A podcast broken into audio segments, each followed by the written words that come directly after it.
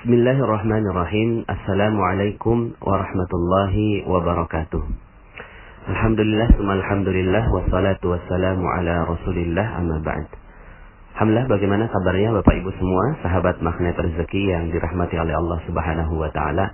Semoga Anda selalu berada dalam keadaan yang terbaik, keadaan yang uh, penuh manfaat, keadaan yang penuh keberkahan dari Allah, kejayaan, kemuliaan dan tentunya saya berharap semua ya kita yang mendengarkan audio ini dan juga member Telegram dari Magnet Rezeki mendapatkan uh, keberkahan yang sempurna dari Allah Subhanahu wa taala. Oke Bapak Ibu, uh, kali ini saya ingin menyampaikan materi yang sangat-sangat penting ya, sangat-sangat uh, esensi karena inilah salah satu yang membuat akhirnya rezeki kita itu tertahan Bapak Ibu ya. Jadi di dalam materi perisai rezeki saya sudah sampaikan bahwa uh, rezeki Allah berlimpah ruah Bapak Ibu.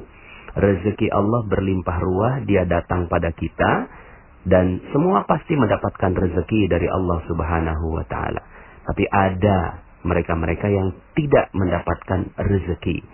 Siapa mereka? Mereka adalah orang-orang yang menggunakan perisai, ya, menggunakan perisainya, ya. Nah, sebenarnya dalam beberapa materi-materi yang saya sampaikan itu saya sudah berusaha uh, uh, menyampaikan gitu ya perisai-perisai rezeki ya dalam materi tentang jeruk nipis ya Bapak Ibu ternyata salah satu perisai kita adalah karena kita terlalu banyak mentetesi jeruk nipis pada kehidupan kita ya. Kemudian dalam materi cicak dan jerapah ya saya sudah sampaikan bahwa ternyata salah satu perisai kita adalah karena kita tidak terima dengan ujian yang Allah Subhanahu wa taala berikan untuk kita ya. Dan dalam materi jendela buram ternyata perisai kita adalah kita tidak melihat solusi karena kita terlalu panik dengan kehidupan kita ya. Nah uh, dan masih banyak lagi perisai-perisai lain yang uh, saya sudah sampaikan sebelumnya yaitu merusak terumbu karang kita ya kemudian juga uh, dalam materi piutang ya walaupun secara tidak langsung saya sudah sampaikan bahwa uh, Ternyata yang membuat rezeki kita tidak datang pada kita adalah karena kita merusak terumbu karang dalam hal urusan piutang gitu ya. Uh, Oke okay, Bapak Ibu, pada kali ini saya ingin menyampaikan materi yang sangat-sangat spesial dan saya berharap Anda uh, betul-betul menjiwai ini ya. Saya juga uh, tentunya berharap dengan materi ini saya pun mendapatkan hikmahnya juga ya karena ketika saya menyampaikan ini kepada Anda sebenarnya saya menyampaikan ini, materi ini kepada diri saya sendiri ya. Judul dari materi ini adalah cacat yang sempurna ya, cacat yang sempurna. Karena begini Bapak Ibu. Ada banyak sekali orang yang menganggap hidupnya cacat. Ya. Jadi uh, banyak orang yang menganggap hidupnya cacat dan nggak suka betul dengan yang namanya cacat gitu ya pengennya semuanya sempurna gitu ya inginnya semua sempurna ketika dia banyak hutang lalu kemudian banyak amanah gitu ya. Terus kemudian mengatakan aduh hidup saya hancur nih. Kenapa? Karena saya banyak hutang. Dia telah menganggap hidupnya cacat. Dan dia menilai hidupnya cacat Bapak Ibu ya. Lalu kemudian ketika aduh kopi utang nggak dibayar-bayar? gitu kan, ini harusnya kan dia bayarnya cepat. Maka ya ini juga kita menganggap hidup kita cacat. Cacatnya kenapa? Karena ada satu bagian hidup kita, bagian rezeki kita yang tertahan di orang lain. Sehingga akhirnya kita menganggap bahwa hidup kita cacat gitu ya. Kemudian ada juga yang uh, ketika perjalanan gitu ya, uh, jalanan uh, penuh ya atau macet kemudian menganggap bahwa Ya, hari ini sangat-sangat tidak sempurna, hari ini penuh dengan kecacatan dan ketidaksempurnaan, gitu ya.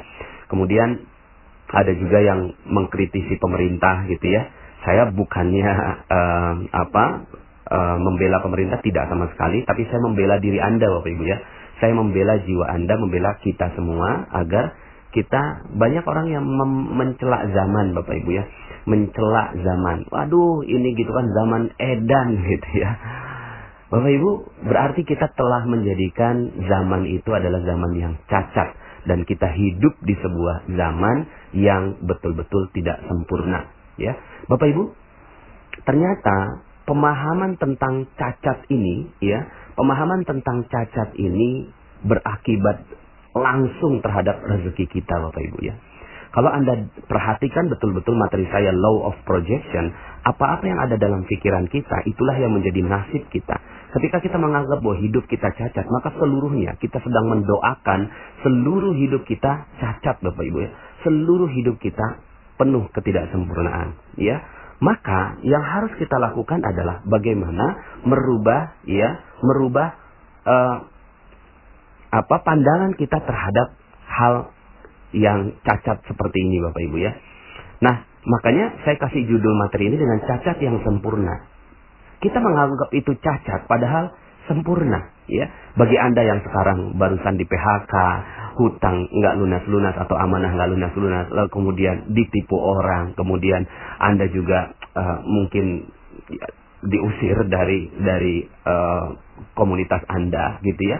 Mungkin ada juga yang nggak punya anak gitu ya. Mungkin juga uh, belum nikah gitu kan sampai umur 40 tahun gitu ya.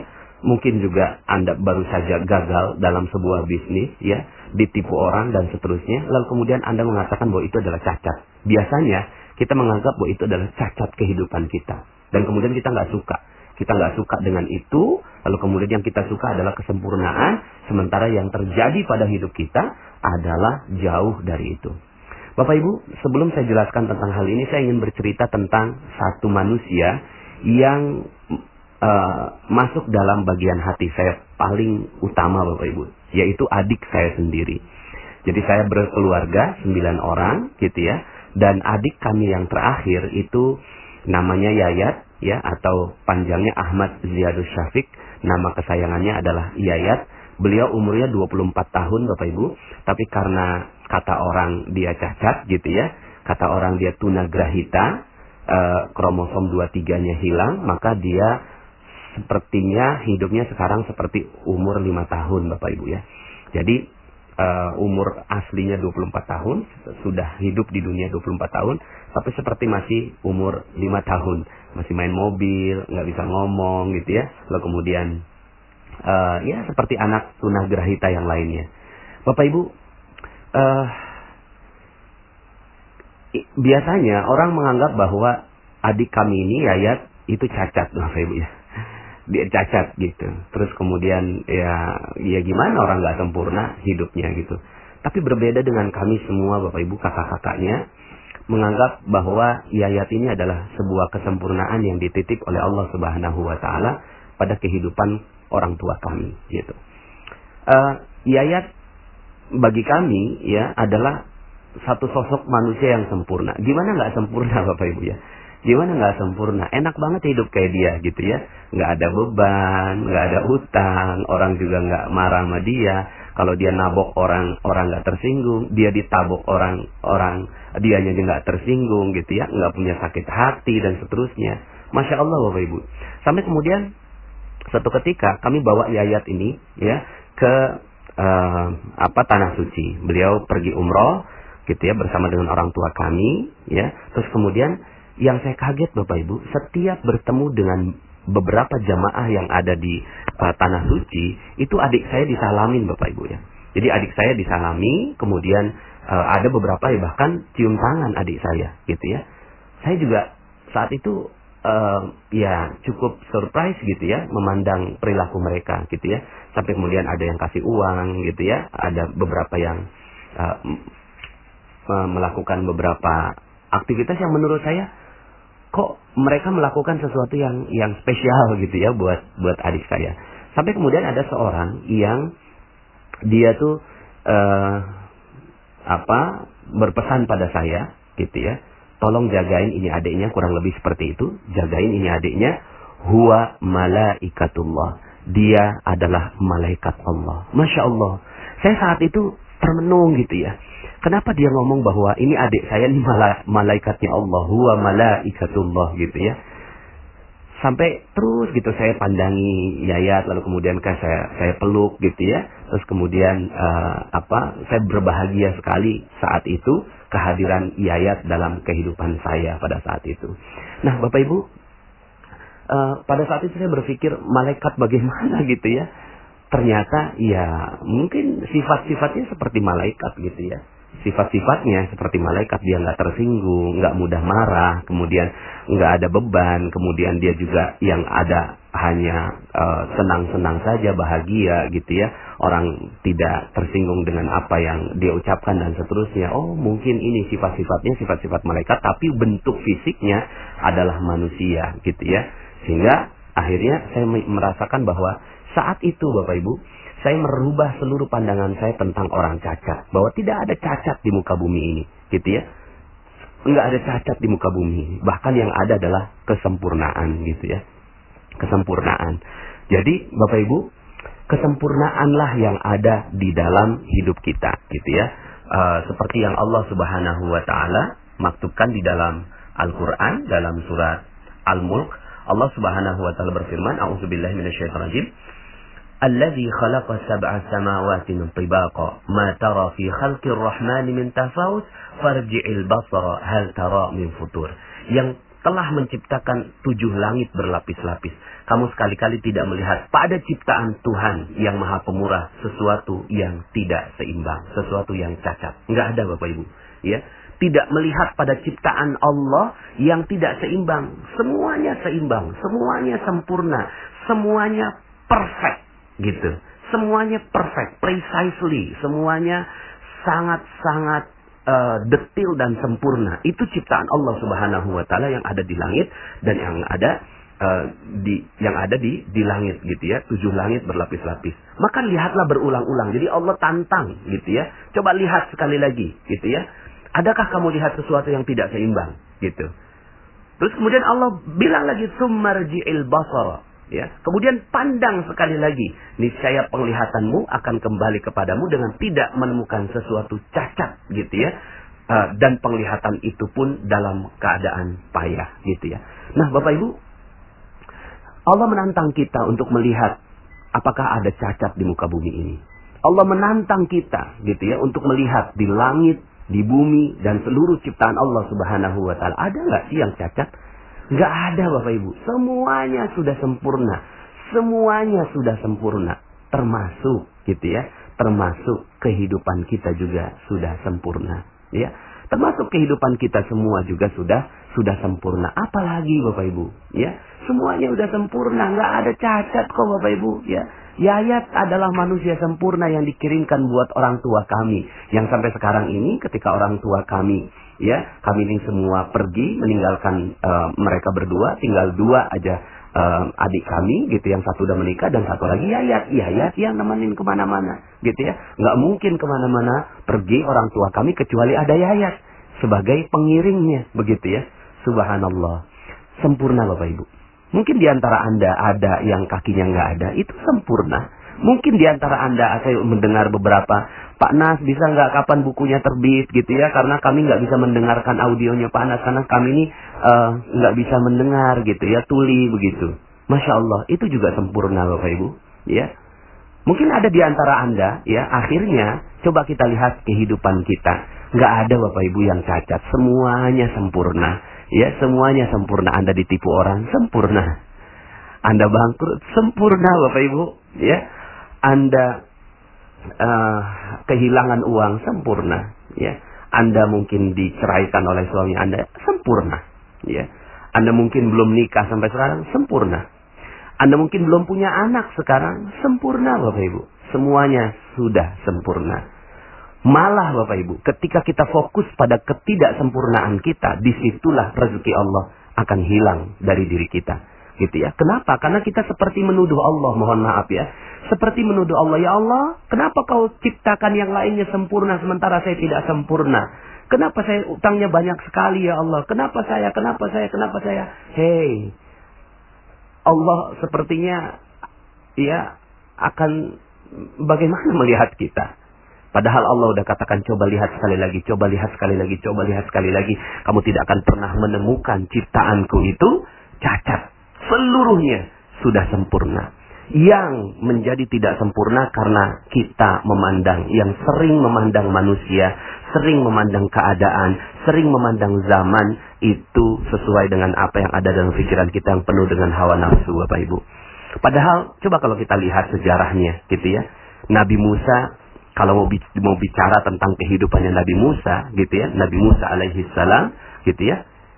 Kalau kita jadi uh, siapa tim penilai untuk memilih nabi gitu ya, kayaknya Nabi Musa nggak pantas untuk jadi nabi gitu ya. Kenapa? Beliau pernah membunuh Bapak Ibu. Pernah membunuh dengan tidak sengaja ya. Tapi Allah Subhanahu wa taala memang memandang manusia bukan dari sejarahnya, ya. Kalaupun Nabi Musa alaihi salam pernah membunuh dan saat itu beliau tidak sengaja melakukan itu karena kekuatan fisiknya gitu ya. Terus kemudian Allah mau jadikan dia nabi, sawat gitu loh. Ya. Kehidupan masa lalu Nabi Musa itu tidak sedikit pun menjadi pengaruh bagi Allah Subhanahu wa taala untuk mengangkat beliau menjadi nabi. Kalau kita sebagai tim penilai untuk mengangkat mengangkat uh, Nabi Yusuf sebagai nabi, apakah kita mau angkat? Enggak, Bapak Ibu. Dia dari ya sumur diangkat gitu ya. Uh, yang yang tenggelam di sumur kemudian diangkat oleh musafir lalu kemudian diperjualbelikan di pasar budak lalu kemudian akhirnya dia uh, apa diangkat menjadi pelayan. Lalu kemudian ketika pelayan itu ternyata dia ya uh, ini pandangan pandangan orang ya. Kemudian dipenjara karena um, apa berbuat yang tidak senonoh kepada keluarga kerajaan gitu ya. Tapi kemudian kalau Allah mau mengangkat derajatnya Nabi Yusuf alaihi salam maka itulah Allah Allah mampu saja mengangkat derajatnya siapa pun yang menurut kita itu ceritanya cerita cacat Bapak Ibu ya. Cerita kehidupan yang cacat ya. Nabi Isa alaihi salam gitu ya itu lahir dari seorang wanita yang tidak punya suami. Nggak punya suami, maka masyarakat sekitarnya memandang apa? Memandang bahwa gitu ya, Nabi Isa alaihi salam adalah seorang yang keluar dari ya uh, sesuatu yang tidak sempurna, ya cacat Bapak Ibu, ya cacat bisa jadi adalah perbuatan dosa yang dilakukan oleh Maryam tapi Allah Subhanahu wa taala mensucikan beliau sebagai wanita paling mulia gitu ya lalu kemudian Akhirnya Allah Subhanahu wa taala menjadikan Nabi Isa sebagai manusia yang mulia juga gitu ya. Kalau Allah mau angkat Nabi Isa sebagai manusia yang mulia, makhluk yang mulia, Allah berkuasa. Ya, Allah berkuasa untuk menciptakan Nabi Isa sebagai manusia yang mulia. Padahal kalau kita lihat bahwa kehidupannya lahir dari ya kecacatan hidup. Kalau bicara tentang kecacatan, ya, padahal itu sudah sudah sempurna. Nabi Muhammad sallallahu alaihi wasallam Kalaulah kita menjadi tim penilai dan berada di ya uh, Darun Nadwah pada saat itu. Darun Nadwah ini kayak DPR ya gitu Bapak Ibu ya. Untuk menilai siapa orang ya yang paling mulia dan paling perlu diusir. Dan ternyata Darun Nadwah menetapkan Rasulullah Shallallahu Alaihi Wasallam itu harus diusir dan kemudian dibunuh ya oleh kaumnya. Kalau kita menjadi tim penilai untuk menilai ya hidup seseorang maka Nabi Muhammad sallallahu alaihi wasallam tidak pantas untuk menjadi nabi. Tapi Allah Subhanahu wa taala mengangkat beliau menjadi nabi ya dan menjadi uh, panutan kita semua. Bapak Ibu yang dirahmati Allah Subhanahu wa taala akhirnya wajah kita, pikiran kita, mata kita itu terbatas untuk menilai segala sesuatu. Tapi ada satu hal yang harus selalu ada dalam kacamata kita dalam memandang segala sesuatu. Apa itu kacamatanya? Kacamata kesempurnaan. Bahwa hidup sudah sempurna. Ya, oh hidup sudah sempurna. Apa pun yang terjadi dalam kehidupan kita, ya, Anda ditipu orang, ya, bisnis Anda bangkrut, Anda dipecat dari perusahaan, lalu kemudian Anda diceraikan oleh suami Anda, Anda, ya, uh, apa mungkin pernah berbuat dosa yang yang salah dan seterusnya lalu kemudian Anda minta ampun bertaubat. Ya itu masa lalu Anda gitu ya. Tapi hidup sudah sempurna ya hidup sudah sempurna yang harus Anda syukuri. Yang sering terjadi di dalam surat Fajr Allah Subhanahu wa taala menyebutkan auzubillahi minasyaitonir fa ammal insan idza mabtalahu rabbuhu fa akramahu wa na'ama fayaqulu rabbi akraman Adapun manusia apabila Tuhan yang mengujinya lalu dimuliakannya. Jadi ujiannya ini berupa dimuliakan, diberikan kekayaan, diberikan kejayaan, diberikan kesenangan, maka dia berkata, "Wih, Tuhanku telah memuliakan aku. Ini loh hidup yang sempurna." Seperti ya, kesempurnaan yang ditunjukkan oleh sinetron Bapak Ibu ya. wajahnya cantik, ya, suaminya tampan, tinggal di uh, rumah mewah, mobilnya mobil mewah, lalu kemudian kita menganggap bahwa, "Yeay, itu sempurna." Itulah hidup yang sempurna. Tapi kemudian wa amma idza mabtalahu faqadara alaihi rizquhu rizqahu fayaqulu rabbi ahanan. Lalu kemudian ketika Tuhannya mengujinya lalu membatasi rezekinya, membatasi rezekinya, ya. Lalu kemudian dia berkata Tuhanku menghinakan aku. Lalu kemudian kita katakan bahwa ini loh yang cacat-cacat ini loh miskin ini loh ya. Yang Allah ini nggak kasih rezeki ini cacat gitu. Lalu kemudian kata Allah kalla. Tidak. Sekali-kali tidak demikian. Pandangan kita terhadap kesempurnaan tidak tepat Bapak Ibu ya. Maka apa itu kesempurnaan? Kesempurnaan adalah sekarang ini loh kesempurnaan ini sekarang. Sudah sempurna. Ya kapan sempurnanya? Sekarang. Gitu. Hidup kita sudah spesial. Sudah semuanya spesial. Apalagi Bapak Ibu ya. Apa pun segala kehidupan kita sekarang ini sudah spesial. You are special. Anda spesial Bapak Ibu. Ya. Terkadang yang membuat nggak spesial siapa? Ya kita sendiri yang membuat kita ini nggak spesial. Ah saya mah orang kampung, ah saya mah orang biasa, ah saya mah gitu ya uh, orang yang hina, ah saya mah orang yang banyak dosa, ah saya mah orang cacat dan seterusnya. Siapa yang menilai itu? Kita. Kita yang menilai itu Bapak Ibu ya. Sementara Allah Subhanahu wa taala itu menilai yang lain. Ya. Wa asa an wa asa an takrahu syai'an wa huwa khairul lakum wa asa an tuhibbu syai'an wa huwa syarrul lakum. Wallahu ya'lamu wa antum la ta'lamun. Ini kata Allah. Boleh jadi kamu membenci sesuatu. Padahal ia amat baik bagimu. Dan boleh jadi pula kamu menyukai sesuatu. Padahal ia amat buruk bagimu. Allah mengetahui. Sedangkan kamu tidak mengetahui. Nah, apakah Bapak Ibu yang dirahmati Allah Subhanahu wa taala? Apa yang harus kita lakukan? Yang harus kita lakukan seperti yang Allah katakan dalam surat Ali Imran ayat 139 ya ini yang harus kita lakukan Ali Imran 139 apa kata Allah ولا تهنوا ولا تحزنوا وأنتم الأعلون وأنتم الأعلون إن كنتم مؤمنين Janganlah kamu bersikap lemah Jangan wala tahinu. Jangan kamu bersikap lemah dan jangan pula kamu bersedih hati. Nggak boleh lemah, nggak boleh sedih Bapak Ibu. Yuk sama-sama, hidup Anda sudah sempurna, nggak ada cacat dalam kehidupan ini. Padahal kamulah orang-orang yang paling tinggi derajatnya paling tinggi, paling mulia. Kita ini takdirnya mulia Bapak Ibu.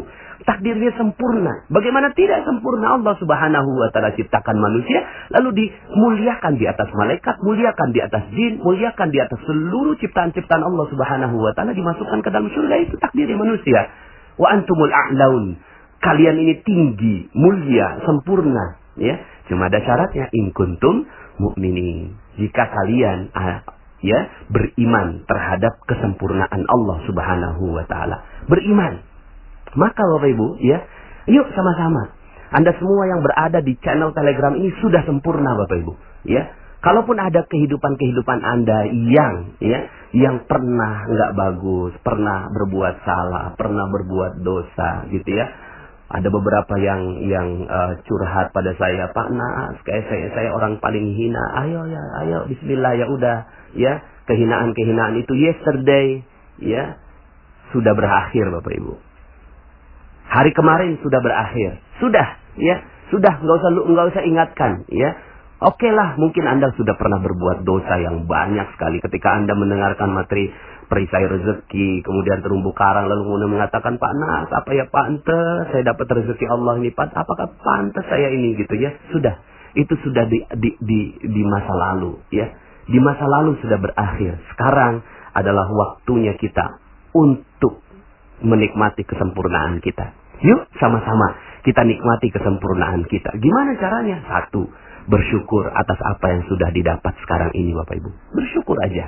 ya seperti Yayat yang selalu bersyukur atas apa pun yang dia ya jalani kehidupan. Ya sudah bismillah bersyukur saja. Tidak boleh sedikit pun mengeluh. Ya jangan pakai jeruk nipis Bapak Ibu ya.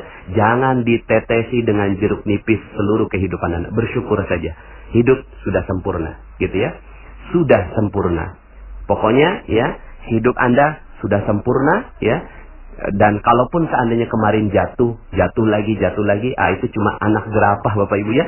Bayi jerapah yang kita diminta untuk kuat ya, untuk berdiri di atas kaki kita sendiri. Allah semata-mata ingin agar kita kemarin itu jatuh, agar kita tetap bangkit Bapak Ibu. Bersyukur. Terus bersyukur atas apa yang sudah didapat ya. Mungkin ya apa yang mau disyukuri Pak Nas, saya utangnya terlalu banyak gitu ya uh, mungkin Anda utangnya bermiliar-miliar, aset nggak punya, apa yang perlu disyukuri ya syukuri aja. Syukuri karena Anda masih memiliki teman, sahabat. Syukuri karena Anda masuk telegram ini. Syukuri bahwa Anda masih punya uh, keluarga. Syukuri masih punya tetangga. Datangi mereka semua. Lalu kemudian jalin hubungan mereka dengan terumbu karang. Terus begitu Bapak Ibu. Ya.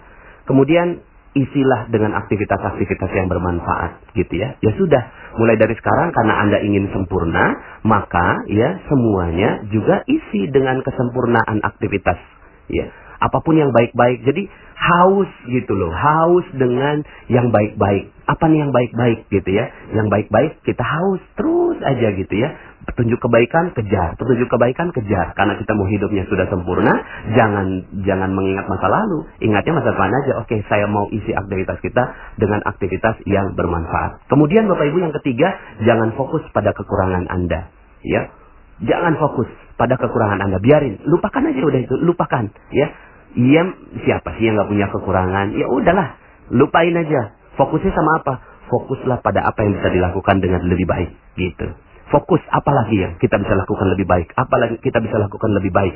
Hari ini bisa lebih baik dari kemarin tuh bagaimana caranya? Gitu ya. Kemudian uh, sekarang ini banyak orang memusuhi kita. Kemudian apa yang kita bisa lakukan lebih baik begitu? Udah itu aja. Fokus saja lupakan aja yang yang yang sebelumnya. Fokus saja apa yang bisa kita lakukan lebih baik? Kemudian yang keempat bapak ibu fokus pada karya. Fokus pada karya kita diciptakan di muka bumi ini Bapak Ibu. Kita diciptakan di muka bumi ini untuk apa? Untuk memenuhi dunia aja. Untuk memenuhi manu, statistik manusia begitu ya. Terus kemudian setelah itu um, lahir, hidup, menikah, meninggal gitu kan udah hilang. Nggak ada karyanya gitu Bapak Ibu ya. Nggak. Kita ini manusia mulia, manusia yang tinggi, manusia yang sempurna, manusia yang uh, uh, sebaik-baik gitu ya ciptaan Allah Subhanahu wa taala. Yang harus kita lakukan adalah membuat karya. Apa karya yang bisa kita lakukan? Enggak perlu spesial.